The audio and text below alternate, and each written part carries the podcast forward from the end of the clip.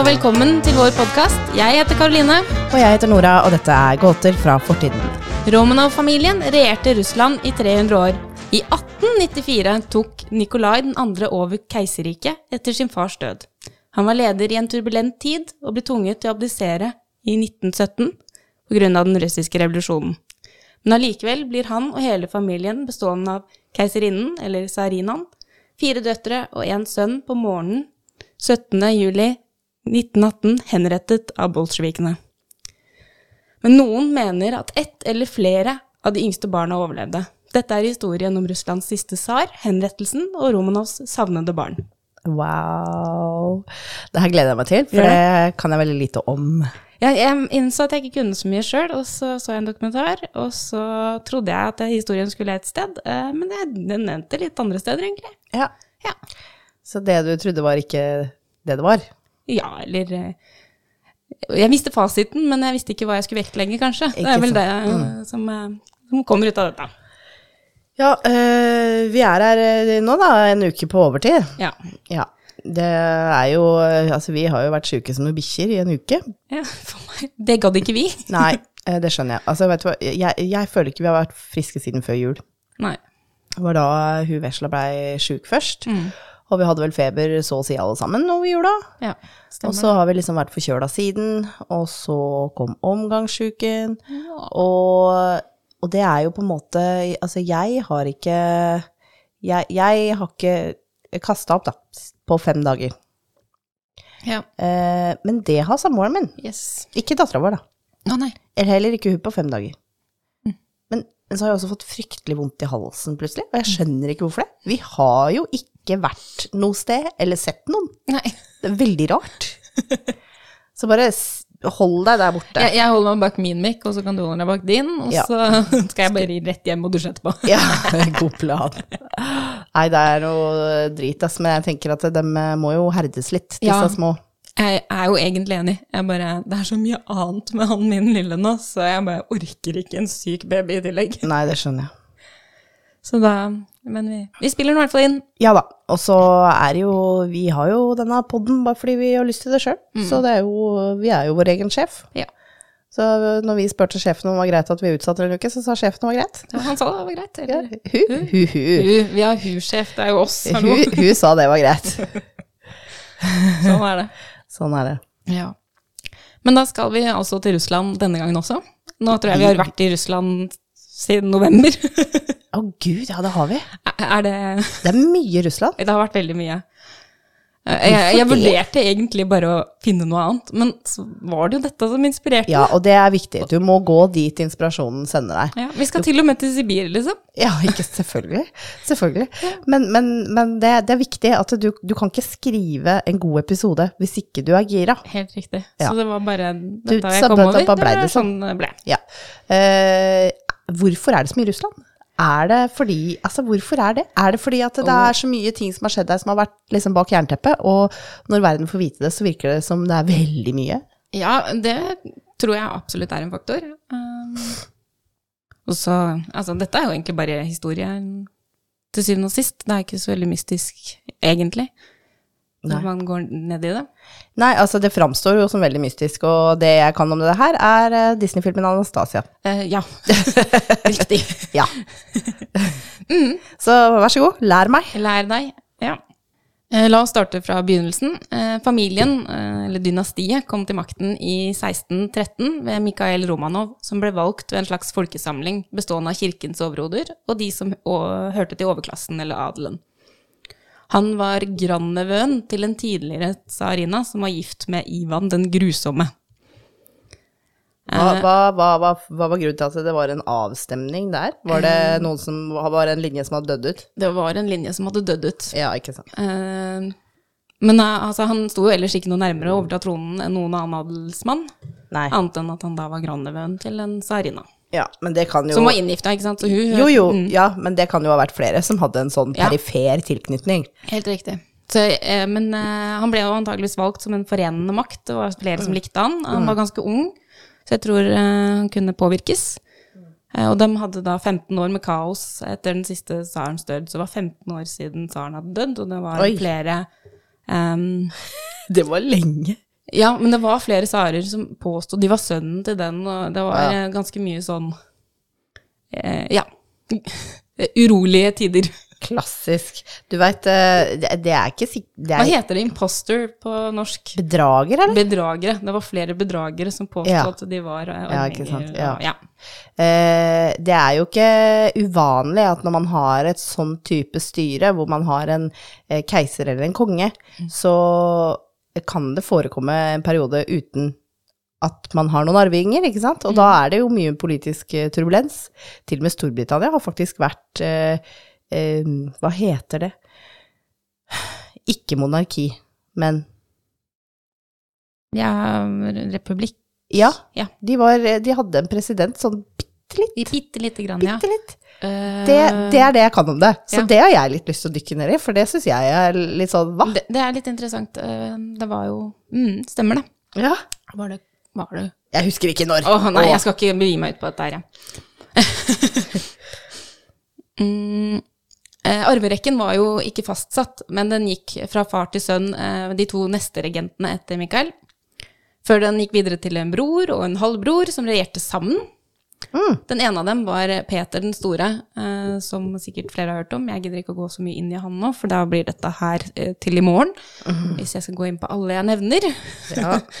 Eh, og siden så arvet både koner, barnebarn, døtre og nevøer tronen. Oi! Eh, og den mannlige arverekken forsvant fra makten i 1763, da Peter eh, den tredje fikk makten. Han var eh, Peter den store sitt barnebarn gjennom sin mor, men tilhørte den tyske slekten Holsten eh, Gottorp.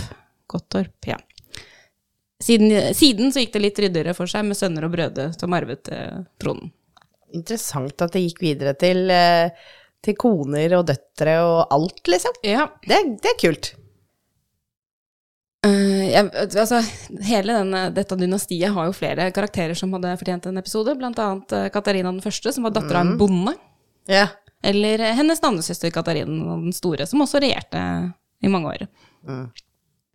Det kan vi komme tilbake til. Det kommer Vi, vi, tilbake vi liker oss jo tydeligvis i Russland.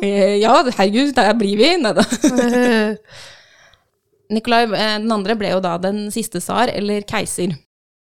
Etter eh, 19... Nei, 1721 så var det eh, det russiske keiserdømmet, og tsar skal egentlig da ha blitt bytta ut med keiser, men det vedvarte, og de blir fortsatt kalt tsarer, ikke sant? Ja, klart. Men det er ikke egentlig noe forskjell på det.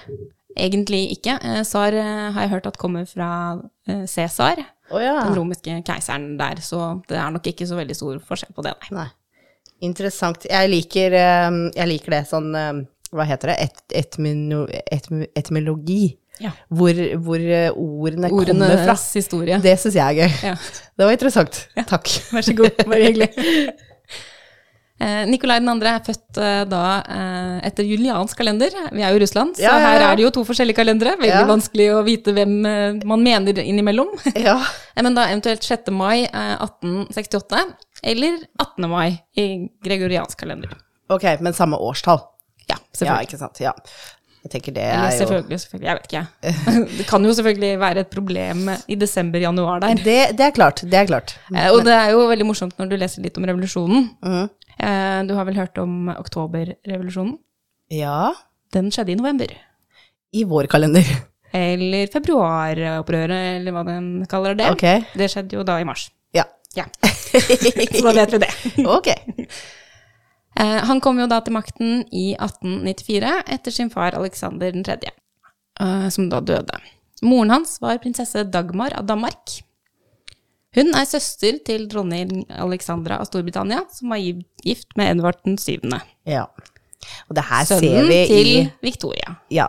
Og det her ser vi i The Crown, uh, når øh, Ja, det er en det? Det er sånn- episode ja, som de går til Roma Hvor de går tilbake og liksom snakker om å hente ut dem, og det var da fetteren til Elisabeth. George. Eller? George, Fetteren til George, ja. som er bestefaren til Elisabeth. Ja, ja, ja, stemmer, stemmer. Det er ganske langt tilbake. Ok, ja. Greit. Men eh, prinsesse Dagmar av Danmark hun tok altså navnet Maria Fjodorovna Fjodorovna, takk. ja. Da hun giftet seg med tsaren. Um, Nikolai giftet seg i 1894 med Alexandra av Hesten Dramstadt, som er barnebarnet til dronning Victoria. Ja, Som alle andre i ikke sant.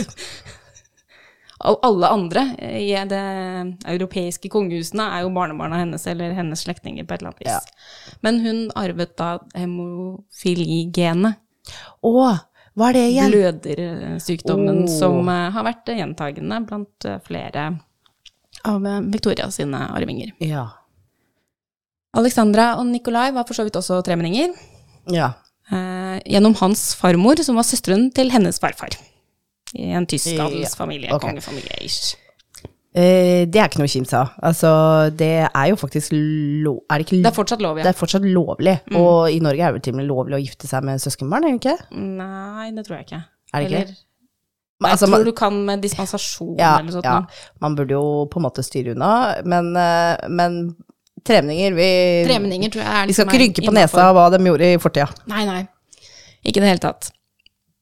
Og så er det jo kongelige og adelige, så de måtte jo bare holde blodet reint, Det var liksom helt vanlig. Eh, som dere kanskje skjønner, så elsker jeg slektstre og å finne ut av sånne, sånne relasjoner. Ja. Syns det er superinteressant, og spesielt hvordan alle kongehusene i Europa de hører sammen.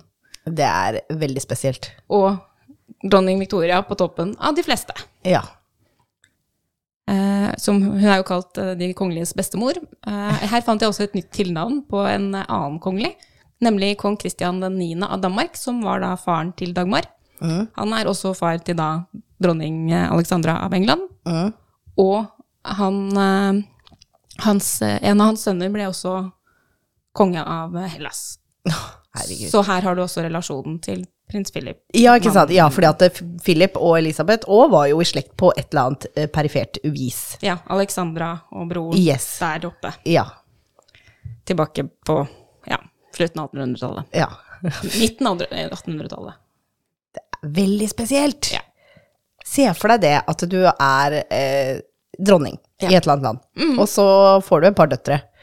Og så skal jo de gifte seg en dag, Ja. og da sender du dem av gårde til et annet land. De får et nytt navn, og du ser dem to ganger til i løpet av livet. ja. Det er jo forferdelig. Det var jo litt sånn det fungerte. Ja. Eh, Maktens pris. er eh, sant, det. Tilbake til Nikolai 2. Ja. Og hans kone Alexandra de giftet seg i 1894. Det var det samme året som han overtok som tsar. Mm. Det var en kjærlighetsmatch. Å nei, var det det? Så koselig. Ja, egentlig ganske koselig. Men, men de blei sikkert spleisa, men de, var, de syntes det var ålreit også. Eh, Ja, de, de Nei, de ble ikke spleisa. Ble ikke? De ville gifte seg. Punktum. De delte en del meninger, og de var uh, forelska, nå nå nå, for nå har vi snakka mye om hvem eh, hit og dit og her og rundt. Uh, Alexandra, hvem var det igjen?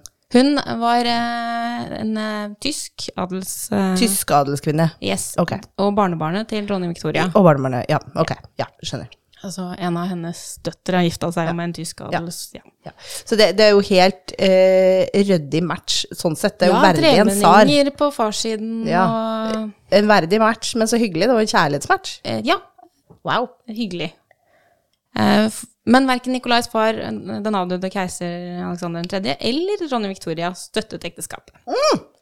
De mente at eh, kombinasjonen av de to eh, ikke var bra, okay. og at eh, Alexandra var ustabil, litt paranoid og kanskje litt fanatisk. Okay. Og dette skulle vise seg å lage problemer. ok, men stemmer det? Du har hørt om eh, Rasputin? Eh, Sånn bortsett fra eh, Anastasia Disney-filmen, holdt jeg Nope. på å si. Animasjonsfilmen. Minn meg på. Eh, en eh, Vi kommer tilbake til han, kan vi gjøre okay, det? ja, Han passer det kan vi gjøre. bedre inn Det senere. Det kan vi gjøre. Um, Nikolai var nok heller også dårlig forberedt på rollen som tsar, da hans far i veldig stor grad hadde holdt den utenfor. Mm. Eh, han hadde så vidt vært med i riksrådet og ministerkomiteer, eh, men det var bare de senere årene før faren døde. Og oppveksten hans var veldig skjermet pga. flere attentatforsøk mot bestefaren hans, Sara Alexander 2. Ja. Eh, Samholdet i familien, og spesielt med brødrene, var veldig tett, og det ble beskrevet som kjærlig og harmonisk. Moren sørget for en engelsk oppdragelse, som da var huslig og beskjeden, beskrives det. Ok. Ja, er det ikke litt sånn eh, I hvert fall den britiske kongefamilien er litt beskjedne.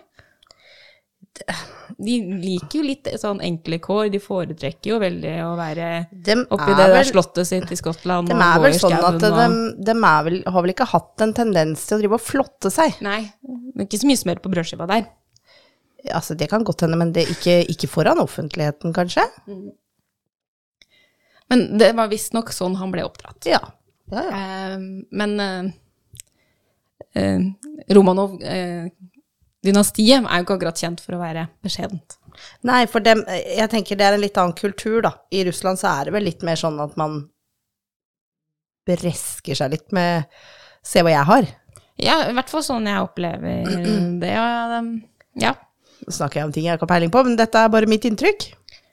Og med tanke på revolusjonen som også kom, og liksom det store skillet mellom eh, ja, Ja. tsarfamilien Ja. og, og Og det vet jo Folk veit jo om det skillet fordi de da eventuelt på en måte har vist det. Mm.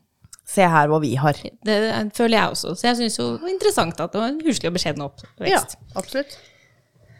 Han skal ha hatt en militær og en religiøs utdannelse, og fikk veldig tidlig innprentet at han som keiser hadde et hellig oppdrag fra Gud om å bevare monarkiet og religionen.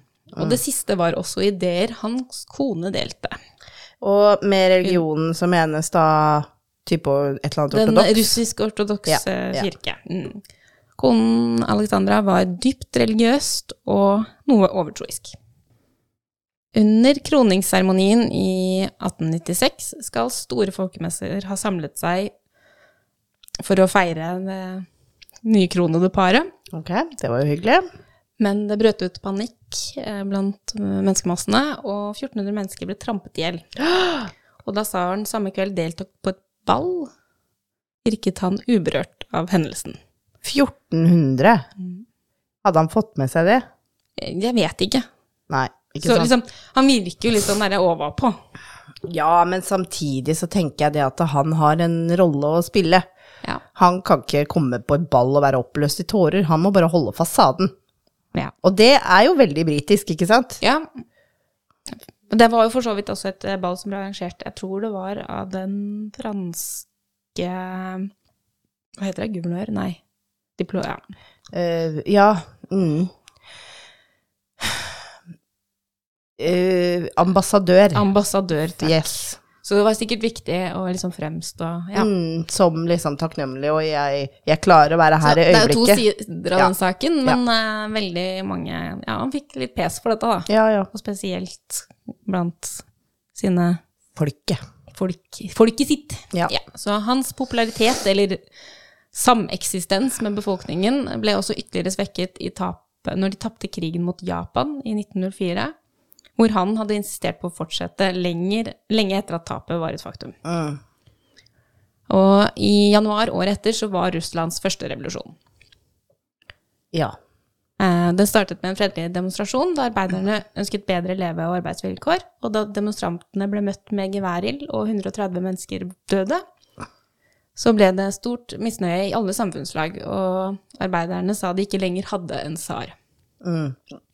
Dette er kjent som den blodige søndagen, og urolighetene varte gjennom store deler av året, og eh, resulterte i et eh, manifest eh, som opprettet Dumaen, altså en folkesamling Mm.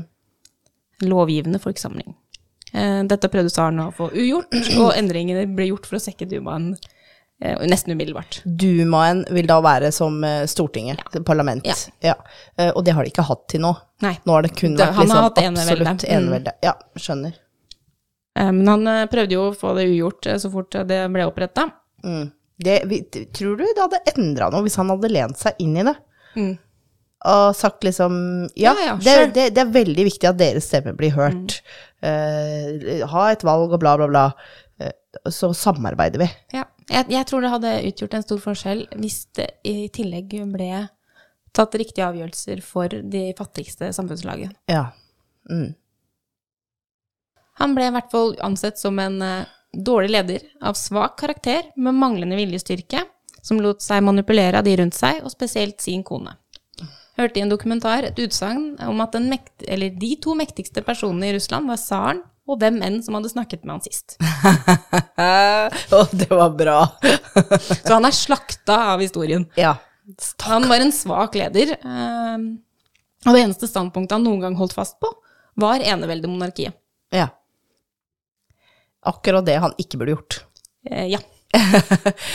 Og flere historikere beskriver han som maktarrogant, Ja. at han ikke så eh, behovet for å fordele makta, eller eh, at han Altså klarte han jo ikke å ta noen riktige avgjørelser. Nei, men så forsto han jo sikkert ikke at det var et alternativ. Nei, jeg jeg For- tror for- eh, med den religiøse opplæringa Ja. si, så tror han at hans ord er Guds ord, og Ikke sant? Ja, og han tror at det, sånn her har det alltid vært, og sånn skal det alltid være, og han så ikke at det, noe kunne true den stillingen, tenker jeg. Men det er litt interessant. Okay. Dette, det dobbeltsjekka ikke dette, jeg har skrevet det med rød sånn tekst. eh, For det, og dette er selv om seks av de tolv siste tsarene ble myrdet. Oi! Så liksom, har du ikke noe historie, altså har du ikke noe syn Hvis det stemmer, da. Ja. Jeg skulle gjerne sjekka det, men jeg gjorde ikke det. Men uh, de burde jo lært han historie. Ja. ja altså Bestefaren hans hadde jo flere attentat mot seg. Jeg tror til og med han endte opp med å bli drept. Ja, ikke sant. Så Ja, litt, ja, litt tonedøv, da. Litt tonedøv. Ja. Og konen, eh, konen, faktisk, kona hans, delte jo eh, det synet her. Hun Ja. skrev i et brev til sin mormor, dronning Victoria, at Russland er ikke England. Her trenger vi ikke å gjøre oss fortjent til folkets kjærlighet. Det russiske folket akter sin tsar som en gud guddommelig skapning. Ja, ok. Så der eh, setter du to streker under det svaret, og denne familien hadde ikke noe idé om at eh, det sto ille til, føler jeg. Uff a meg. Nei, den var i slottet med persiennene nede. Men han var eh, beskrevet som en veldig kjærlig familiefar. Og han og Alexandra hadde fem barn.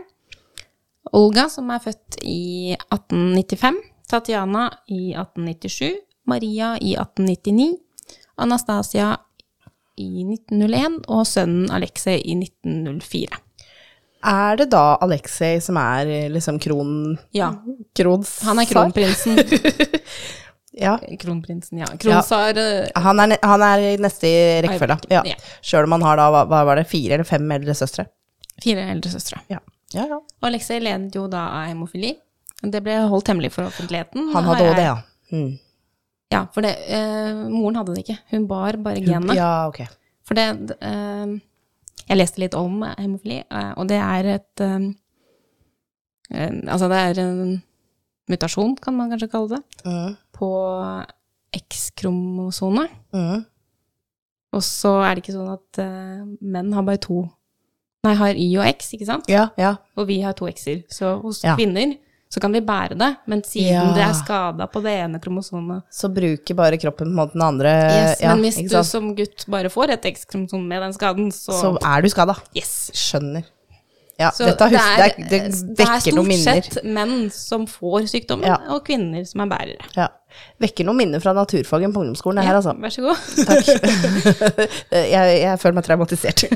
Uff da.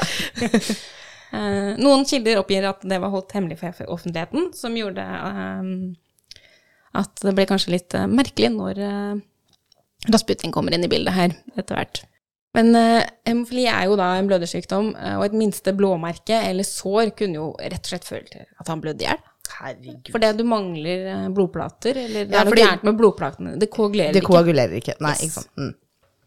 Så han var svært godt beskyttet og skjermet av hele familien, inkludert sine fire søstre. Mhm. Og de var tett knyttet sammen. Og her kommer eh, Alexandra sin flotte overtro, som førte familien sammen med Rasputin i 1905. Han var helbreder, og skal ved en anledning i 1908 ha stanset en blødning hos Aleksej. Denne episoden gjorde at han fikk eh, gunst hos tsarfamilien. Mm. Og eh, en kilde oppgir at han på vei ut eh, hadde eh, tatt Alexandra til siden og sagt at han kunne helbrede sønnen, altså fortsette med det, og okay. at sønnens liv og helse ville være avgjørende for Russlands framtid. Ja. Og der var han inne av døra, Og han ble en veldig stor del av familien. Vi skal ikke så mye inn på Rasputin, han kunne sikkert fått en egen episode, for det er en veldig spesiell karakter. I denne animasjonsfilmen Anastasia så er han jo djevelens uh, demon, omtrent. Eh, Men uh, det Han skal ha vært en gudsmann, uh, for så vidt. Av Ikke av utdannelse, men av selvutnevnt munk, rett og slett. Ok. Mm. Skal jeg bare surre meg inn i i notatene mine litt igjen? Jeg husker jo ikke den filmen. Nei. Jeg har ikke sett den siden jeg var barn. Nei, jeg har for så vidt ikke sett den siden jeg var barn heller, men jeg bet meg veldig merke i hvordan den var. Mm, Jeg tror jeg så den mange ganger. Ja, jeg tror jeg har sett den én gang. Um, Rasputin kom fra enkle kår i Vest-Sibir. Han var et uh, selvutnevnt munk eller helligmann. Han levde på almisser, vet du hva almisser er? Mm, mm. At uh, folkets gunst, på. Veldedighet, på en måte. Ja. Han levde fra hånd til munn. Og han hadde et rykte på seg for å kunne helbrede. Og tsarinaen eh, Alexandra trodde på han, og ga han veldig mye innflytelse. Mm. Og da spesielt under første verdenskrig, da Nikolai var bortreist med hæren, så skal Alexandra, som hadde fått eh, overta ansvaret, latt Rasputin utnevne ministre og andre viktige roller rundt hoffet. Samtidig holdt han eh, skillelag og orgier rundt om i byen. Eh, ja, ja. Som en hellig mann hør og bør.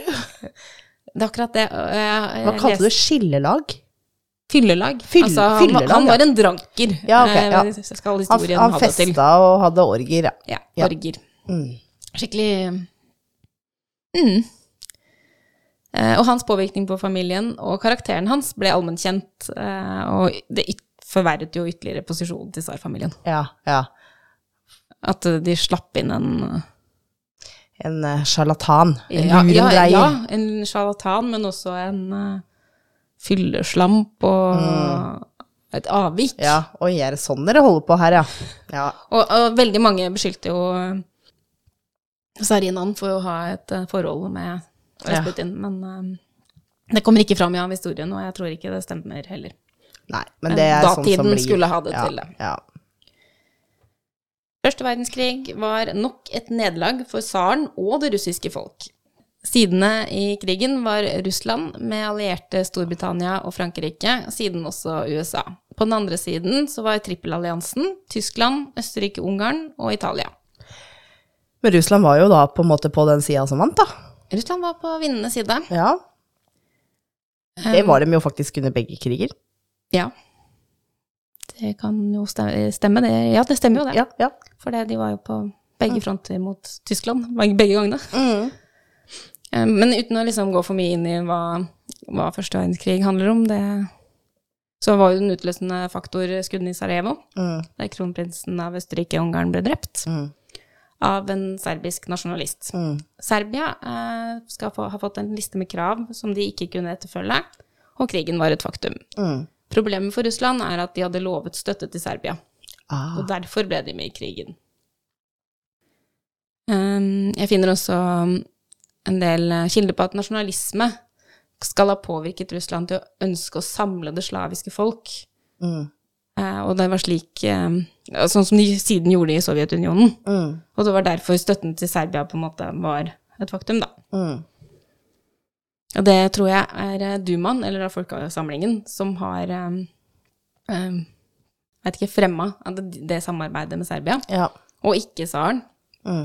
Uh, men uh, det fant jeg ikke noe kilde på, det er bare mer som syns. ja, ja, ja. Din, din, din tanke her er det. Mm. Uh, og Saren på sin side var jo da fetter med kong George av den femte av Storbritannia.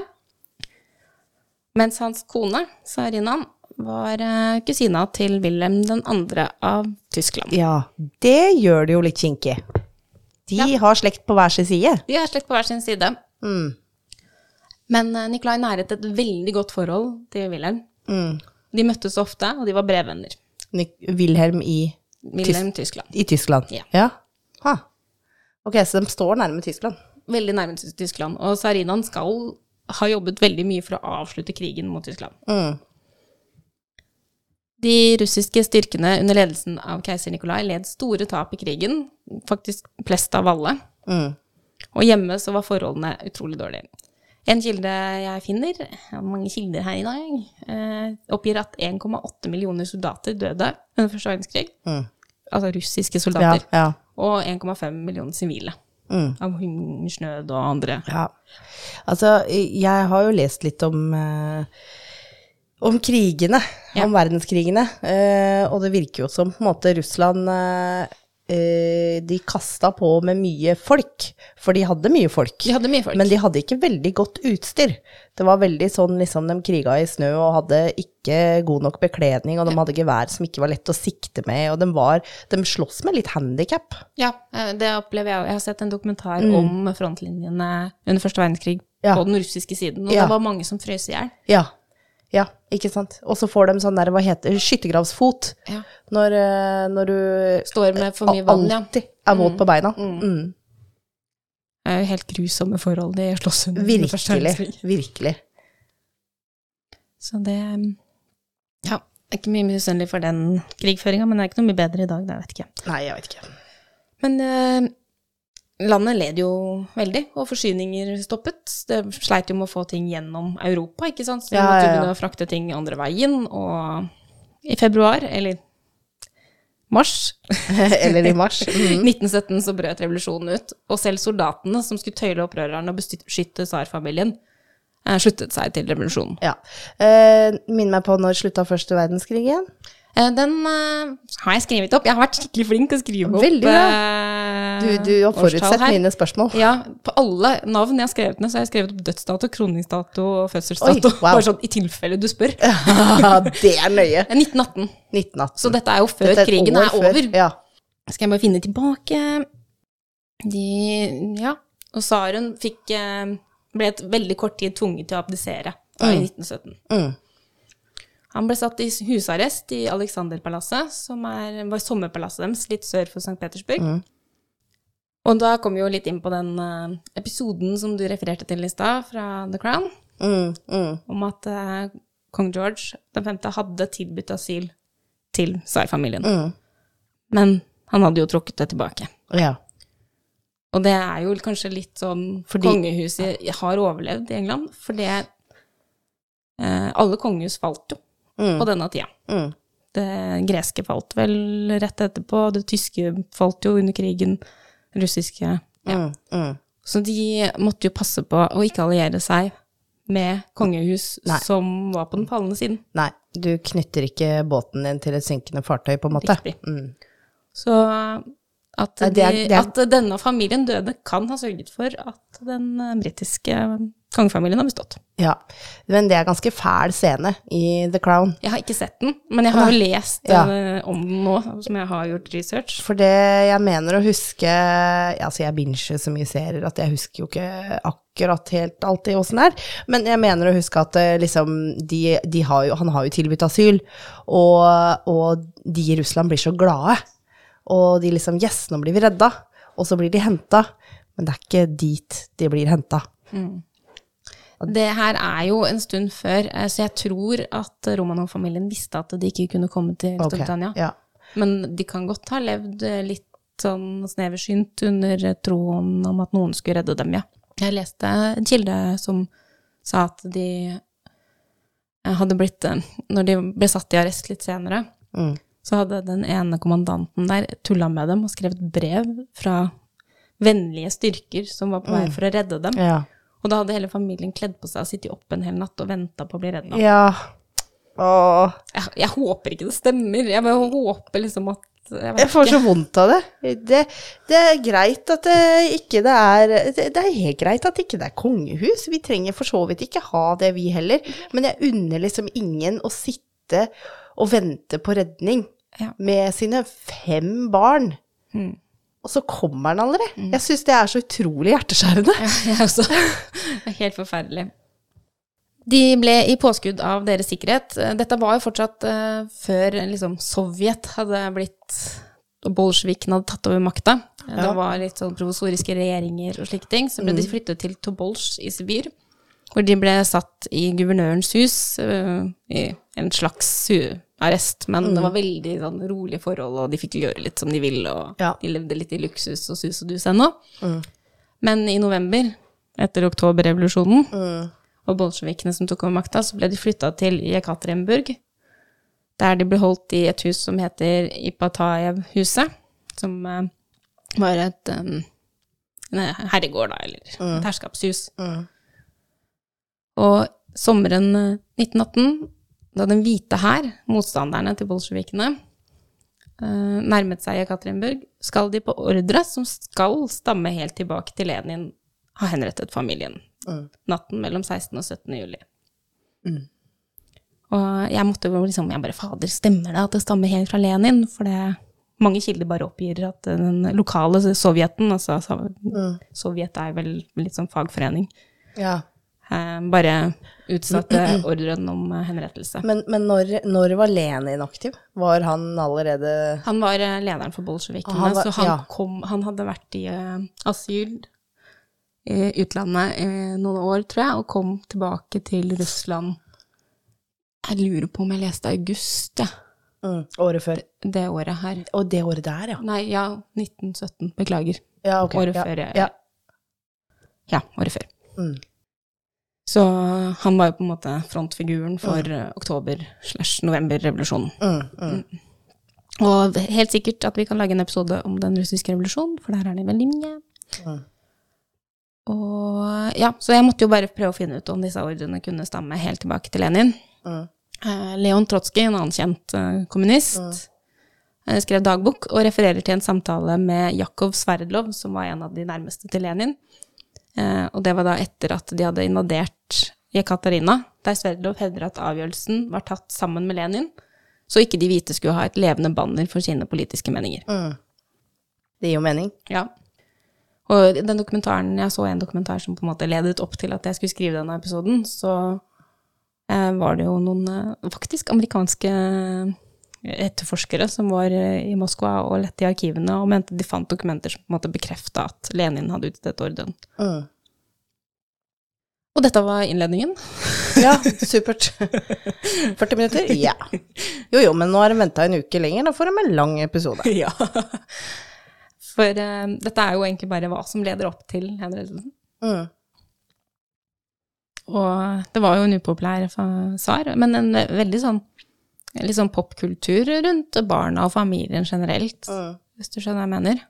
Mange fotografier av de, og de var veldig sånn um, beundret, da.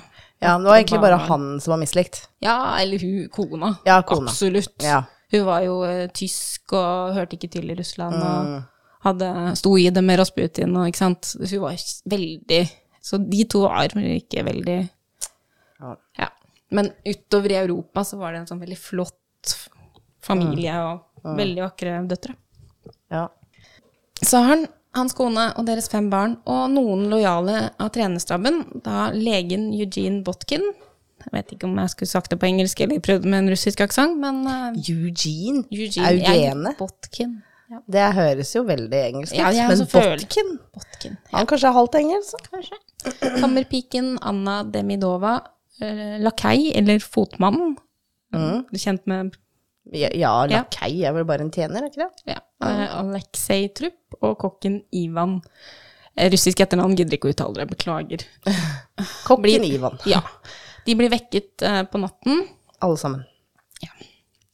og noen sier klokka ett, noen sier halv to, og noen sier to. Så en eller annen gang imellom ett og to. Spørs det hvilken, hvilken kalender du bruker, kanskje? Eh, Nei, jeg tror ikke det påvirker. Nei. Eh, De fikk beskjed om å kle seg, eh, og de ble siden ført ned i et kjellerrom i påskudd av å søke tilflukt for invaderende styrker. Ja. Noen hevder her at de også fikk beskjed om at de skulle fotograferes. ja, det er med i The Crown. Yes. Alexandra og Alexei fikk tildelt en stol hver. Og kommandanten i huset, altså fengselet deres egentlig, Jurov Jurovskij, kommer inn i rommet og leser opp henrettelsen.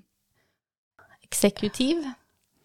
Komiteen for Urals råd arbeider, bonde- og soldatrepresentanter har bestemt at dere skal henrettelser. Dere skal Henrettes. henrettes. Ja. Nikolai rakk bare å si hva, før kommandanten skal ha gitt ordren, og ti menn kommer inn i rommet og begynner å skyte. Alle mennene hadde fått tildelt én hver de skulle skyte, men noen hevder at de heller skjøt de voksne enn barna. Og jeg må bare for min egen del si at eh, barna, altså de to eldste døtrene, er i 20-åra, og Alexia er 13, straks 14 år. Mm. Um, Takk. så det er ikke sånn, ikke sånn babybarn. Nei, for jeg ser jo Det er jo det jeg ser for meg. Ja. Jeg må liksom for min egen del bare, Ja. De er litt voksne i hvert fall, men de er veldig uskyldige. Ja, selvfølgelig. Det er jo ikke noe Det, det, det gjør det jo ikke bra. Men jeg er jo glad at ikke det var femåringer der, liksom. Jeg ser du sliter nå. Jeg òg gjør litt det, egentlig. Det var veldig tøft. Man blir helt tullete når man får barn sjøl. Alt sånt er så innmari mye mer trist. Ja, det blir så ekte. Ja. Men Saren tsaren skal ha vært den første som døde. Det var eh, svært kaotisk, og flere kuler rikosjerte og skadet soldatene. Noen kilder hevdet at flere av soldatene var fulle, og da ildgivningen, som noen sier varte i 20 minutter, var over, levde fortsatt flere av barna. Nei. Helt kvalm, vet du.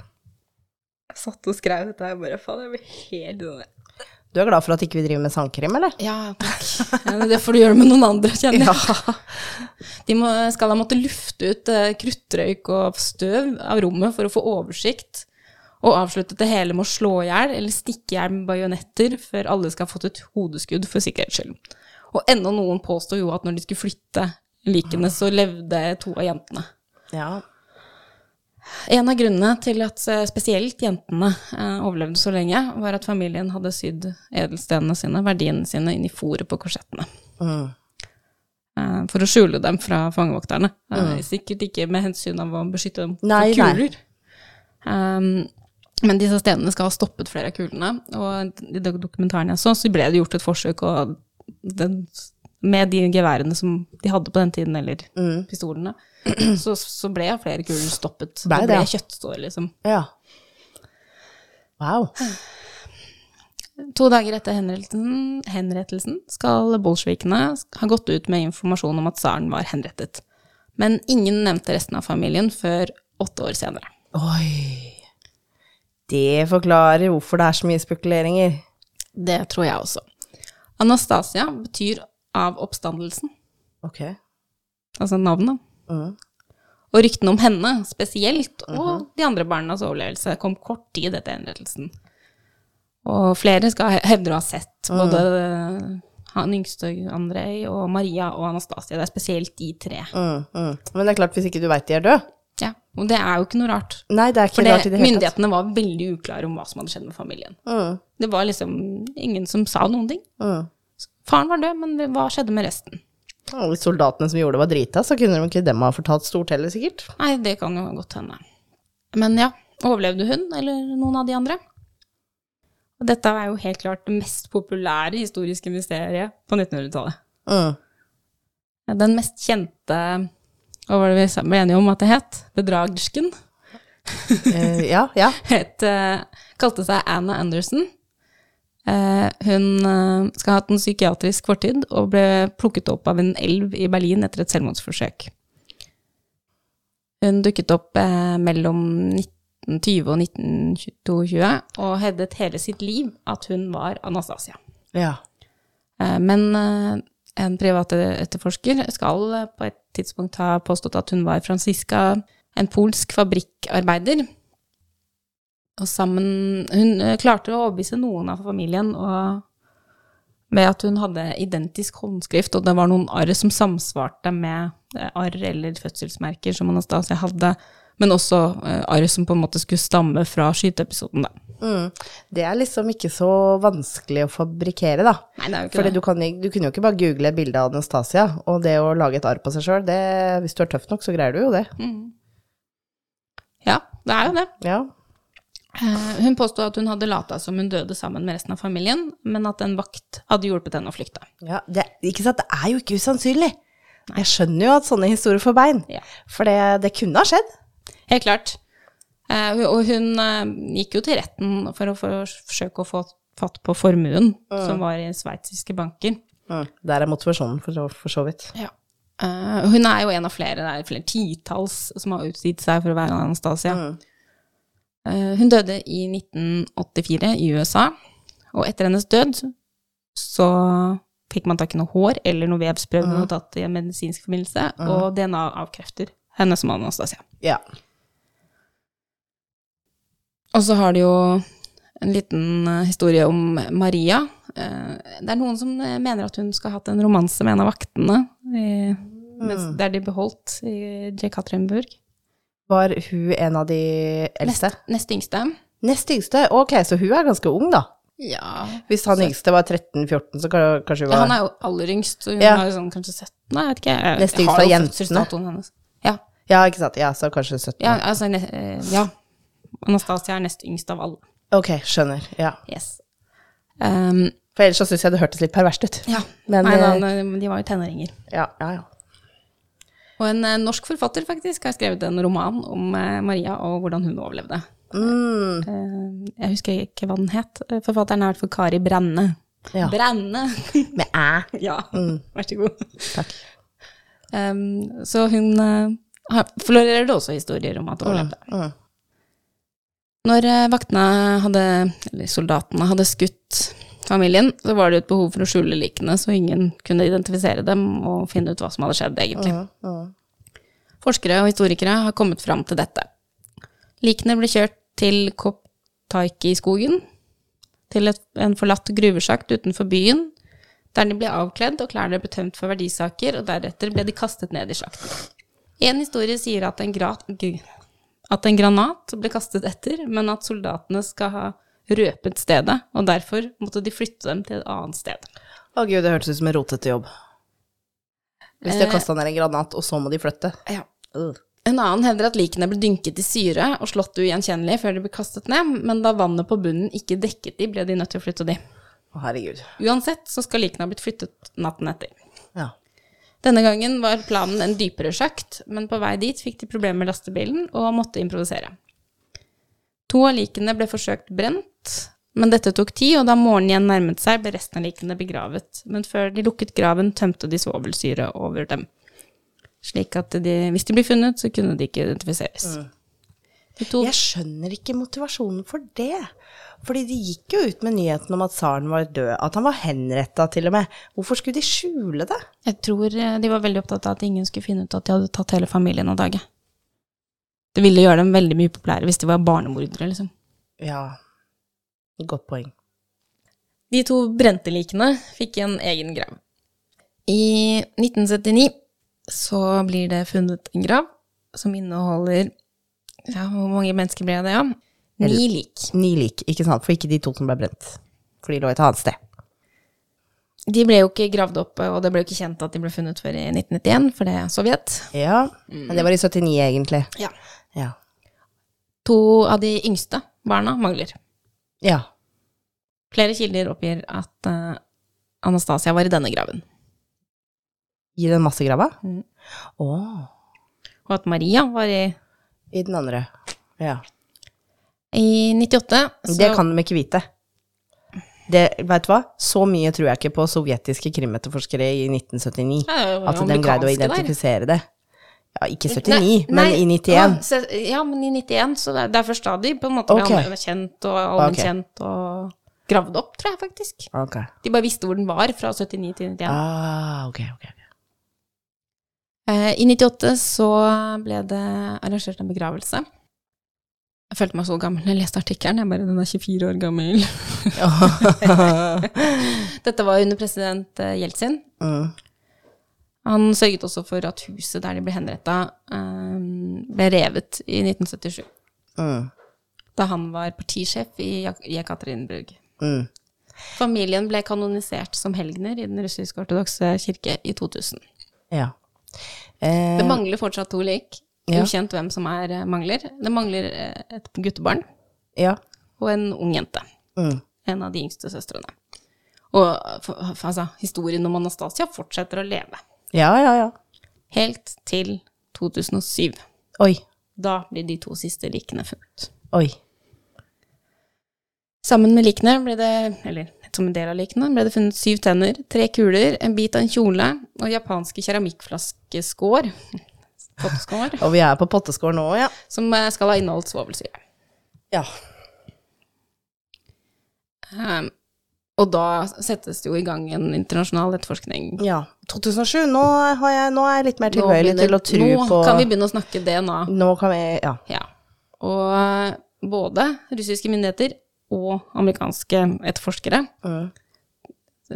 får i DNA og får utføre prøver. Og de sammenligner da med prins Philips DNA. Ja. De to yngste skulle også begraves i 2015. Det ble utsatt da kirken eh, mener at eh, kanskje levningen ikke er ekte, til tross for DNA-funn. Eh, og kirka har makt til å blande seg sånn, liksom? Eh, Da begravelsen fant sted i 98 av de første, Mm. så skal kirken ha satt seg litt på bakbeina, men den var veldig svak etter at Sovjet falt. For Ah. under Sovjet så hadde ikke kirken så mye makt. Nei. Men innen 2015 så hadde de jo begynt å få litt makt igjen. Ja. Så levningene ble ikke gravlagt. Levningene er snakk om ca. 100 gram med benrester og tenner, Herregud. som, i, som lå i det statlige arkivet fram til 2015, og siden har vært i kirkens regnskap for autentisering. Eh, 100 gram. Det var ikke store greiene. Det er ikke store greiene. Og nå er det kjerka som har det. Jeg bare tenker hva pakkerne har de med saken å gjøre? Ja. Det er de som velger hvem som skal gravlegges. Ja, men kjære Det er jo snakk om helgener blitt. Jo. Det er kjempeviktig at det er ekte. Men, Ja, men du må jo tro på vitenskap. Ja, men hvilken, hvilken autoritet har de til å avgjøre om det er ekte? Er ikke de gode på teologi og ikke så gode på DNA, eller? Det er det jeg tenker på. Ja. Jeg syns det bare hørtes helt idiotisk Så ut. Sorry, Det jeg er er så trist Ja, at familien De er er ikke- gjenforent. og fortsatt ikke gravlagt. Nei. De to siste. Mm. Fortsatt ikke! Fra 2015. Ja, det, det, vis, det, vis, det Nå beviser er, poenget nå er det jo et nytt jernteppe, så nå vet vi jo ikke hva som skjer der. Nei da, men det beviser jo poenget mitt, da. At ja. kjerka har ikke noe business med å drive og identifisere levninger. Det er ikke det de er gode på, tydeligvis, Nei. når de bruker så lang tid. Det kan du ha rett i. Så det her er jo egentlig historien om eh, familien. Jeg kunne sikkert ha funnet 15 forskjellige bedragerske historier, men Ja. eh, Ja. sannheten er oppe og framme, ja. mener jeg. De har brukt DNA, de har brukt eh, masse tid, de har gjort flere undersøkelser, både russiske og amerikanske etterforskere. Også på de to siste. Mm. Ja. Så de òg er identifisert som å være i familien. Ja, Ja. de er det. Så etter din mening så døde Anastasia, Maria og han guttungen som ikke jeg husker hva heter. Alexandre, Alle døde da. de gjorde det. Ja. Dessverre. Mange gode historier å Ja. på seg. Ja, du tok livet av en, eh, en hyggelig Disney-film nå. Ja, vær så god. Takk. Hvilken kald, hard en og grusom verden. Bare sånn for sikkerhets skyld. Jeg tror det bare er en animasjonsfilm og ikke en Disney. Skal du sjekke? Det skal jeg sjekke. Mm. Det, det er ikke en Disney-film! Nei. Det er What? På, på, på Wikipedia så står det uh, Production Company er Fox Family Films og Fox Animation Studios. Mm. Hva? Hva? Ikke en Disney-film. Hva? Jeg er sjokkert. Ja, Lurer det? Jeg mente å huske det, skjønner du. Hva? Jøss. Nei, nei, greit. Jeg skal slutte å si det, da. Skal slutte å kreditere Disney for andres uh, arbeid. Eh, ok. Ja, nei, greit. Du, eh, uansett Ja. hvem som lagde den, Ja. så Den, den er debunked. Den er debunka, ja. Ja. Ja, ja. Så det her var eh, den, den veldig tragiske historien om den siste tsar av Russland. Veldig tragisk. Og jeg eh, syns eh, Jeg syns dette var veldig trist, egentlig. Ja, skulle ønske jeg hadde noen sånne gode Ja. eh, ord på slutten. Jeg Beklager. Men, men, men det jeg kjenner nå, er at jeg har lyst til å kaste meg inn i den franske revolusjonen. Ja, vær så god. Å, jeg gleder meg. Ja, nå ble jeg litt gira, faktisk, på revolusjoner. sånn inspirerer vi hverandre. Nå vi inspirert hverandre i Russland eh, drittlenge. Ja, nå, nå Nå får vi bytte land snart, synes jeg. Nå ble, nå ble jeg litt gira på, på mer revolusjon. Ja, kanskje, det, kanskje vi skal ha en revolusjonsrunde her. Ja, kanskje det. Det fins mange. Men, eh, men kan vi si at det finnes noen gåte fra, fra den franske revolusjonen, da? Mm. Nei, det gjør egentlig kanskje ikke det. Men gåte og gåte, det er jo i hvert fall en karakter som er veldig misforstått. Ja. Det er jo av godeste Marie Antoinette. Mhm. Hvilken, hvilken slakt hun eh, fikk av folket og ettertiden. Ja. La dem spise kake. Ja. Jeg mener jeg hørte en podkast hvor, hvor de sa til det, det var ikke det hun sa i det hele tatt. Eh, Nei, jeg også mener at jeg har lest noen kilder på det. Ja. Ja. Så jeg kan, jeg kan regnvaske navnet hennes. Gjør det. Ja. Jeg gleder meg. Tusen takk. Jo, Dette var spennende. så bra. Det var ingen, ingen stor gåte, bare litt sånn mystisisme på midten. Dette var jo det. Det var jo det. Det er, Det er, har- det er, en, det er, en løst gåte, det er en løs gåte. rett og slett. Ja. Du har gjort et, et, et temmelig heftig stykke arbeid. Åh, herregud, jeg har sittet så mange timer på eh, for så vidt Wikipedia. Bare sånn eh, Det var faren, og det var moren, og så og den veien, ja, og så ned igjen. Og, så, og jeg syns jo det er så sjukt gøy, da. ja, men det er bra. Så det blir sånn eget slektstre av alle europeiske kongefamilieepisoder etter hvert. Har du uh, bilde av slektstre, liksom? Jeg har bilde av flere slektstre. Ok. Ehm, ingen som på en måte tydeliggjør akkurat det jeg syns er viktig, men eh, blant annet bløder eh, hvordan det alene har fulgt familien. eh, Og Romanov sitt eget slektstre har jeg selvfølgelig. Og masse bilder. Gøy. Malerier. Bilder av malerier. Eh, bilder eh, Ja, familien. Ja, Fotografi ble ganske. De siste årene de levde, så tok de veldig mye bilder. Ja. eh, Som ledet meg tilbake til Jail, Benny K, Rare Books and eh, Archives. Der er det to eh, album av familien. Kult! Da gleder jeg meg veldig til å se de bildene. Ja. Og det kan du også gjøre på eh, Gåter fra fortiden på Facebook, eller Gåter fra fortiden på Instagram, men der er det to a-er i stedet for å. Ja. Da kommer de sammen med episoden. Kult, takk. Kjempefint. Da snakkes vi om to uker. Det gjør vi. Ha det. Ha det.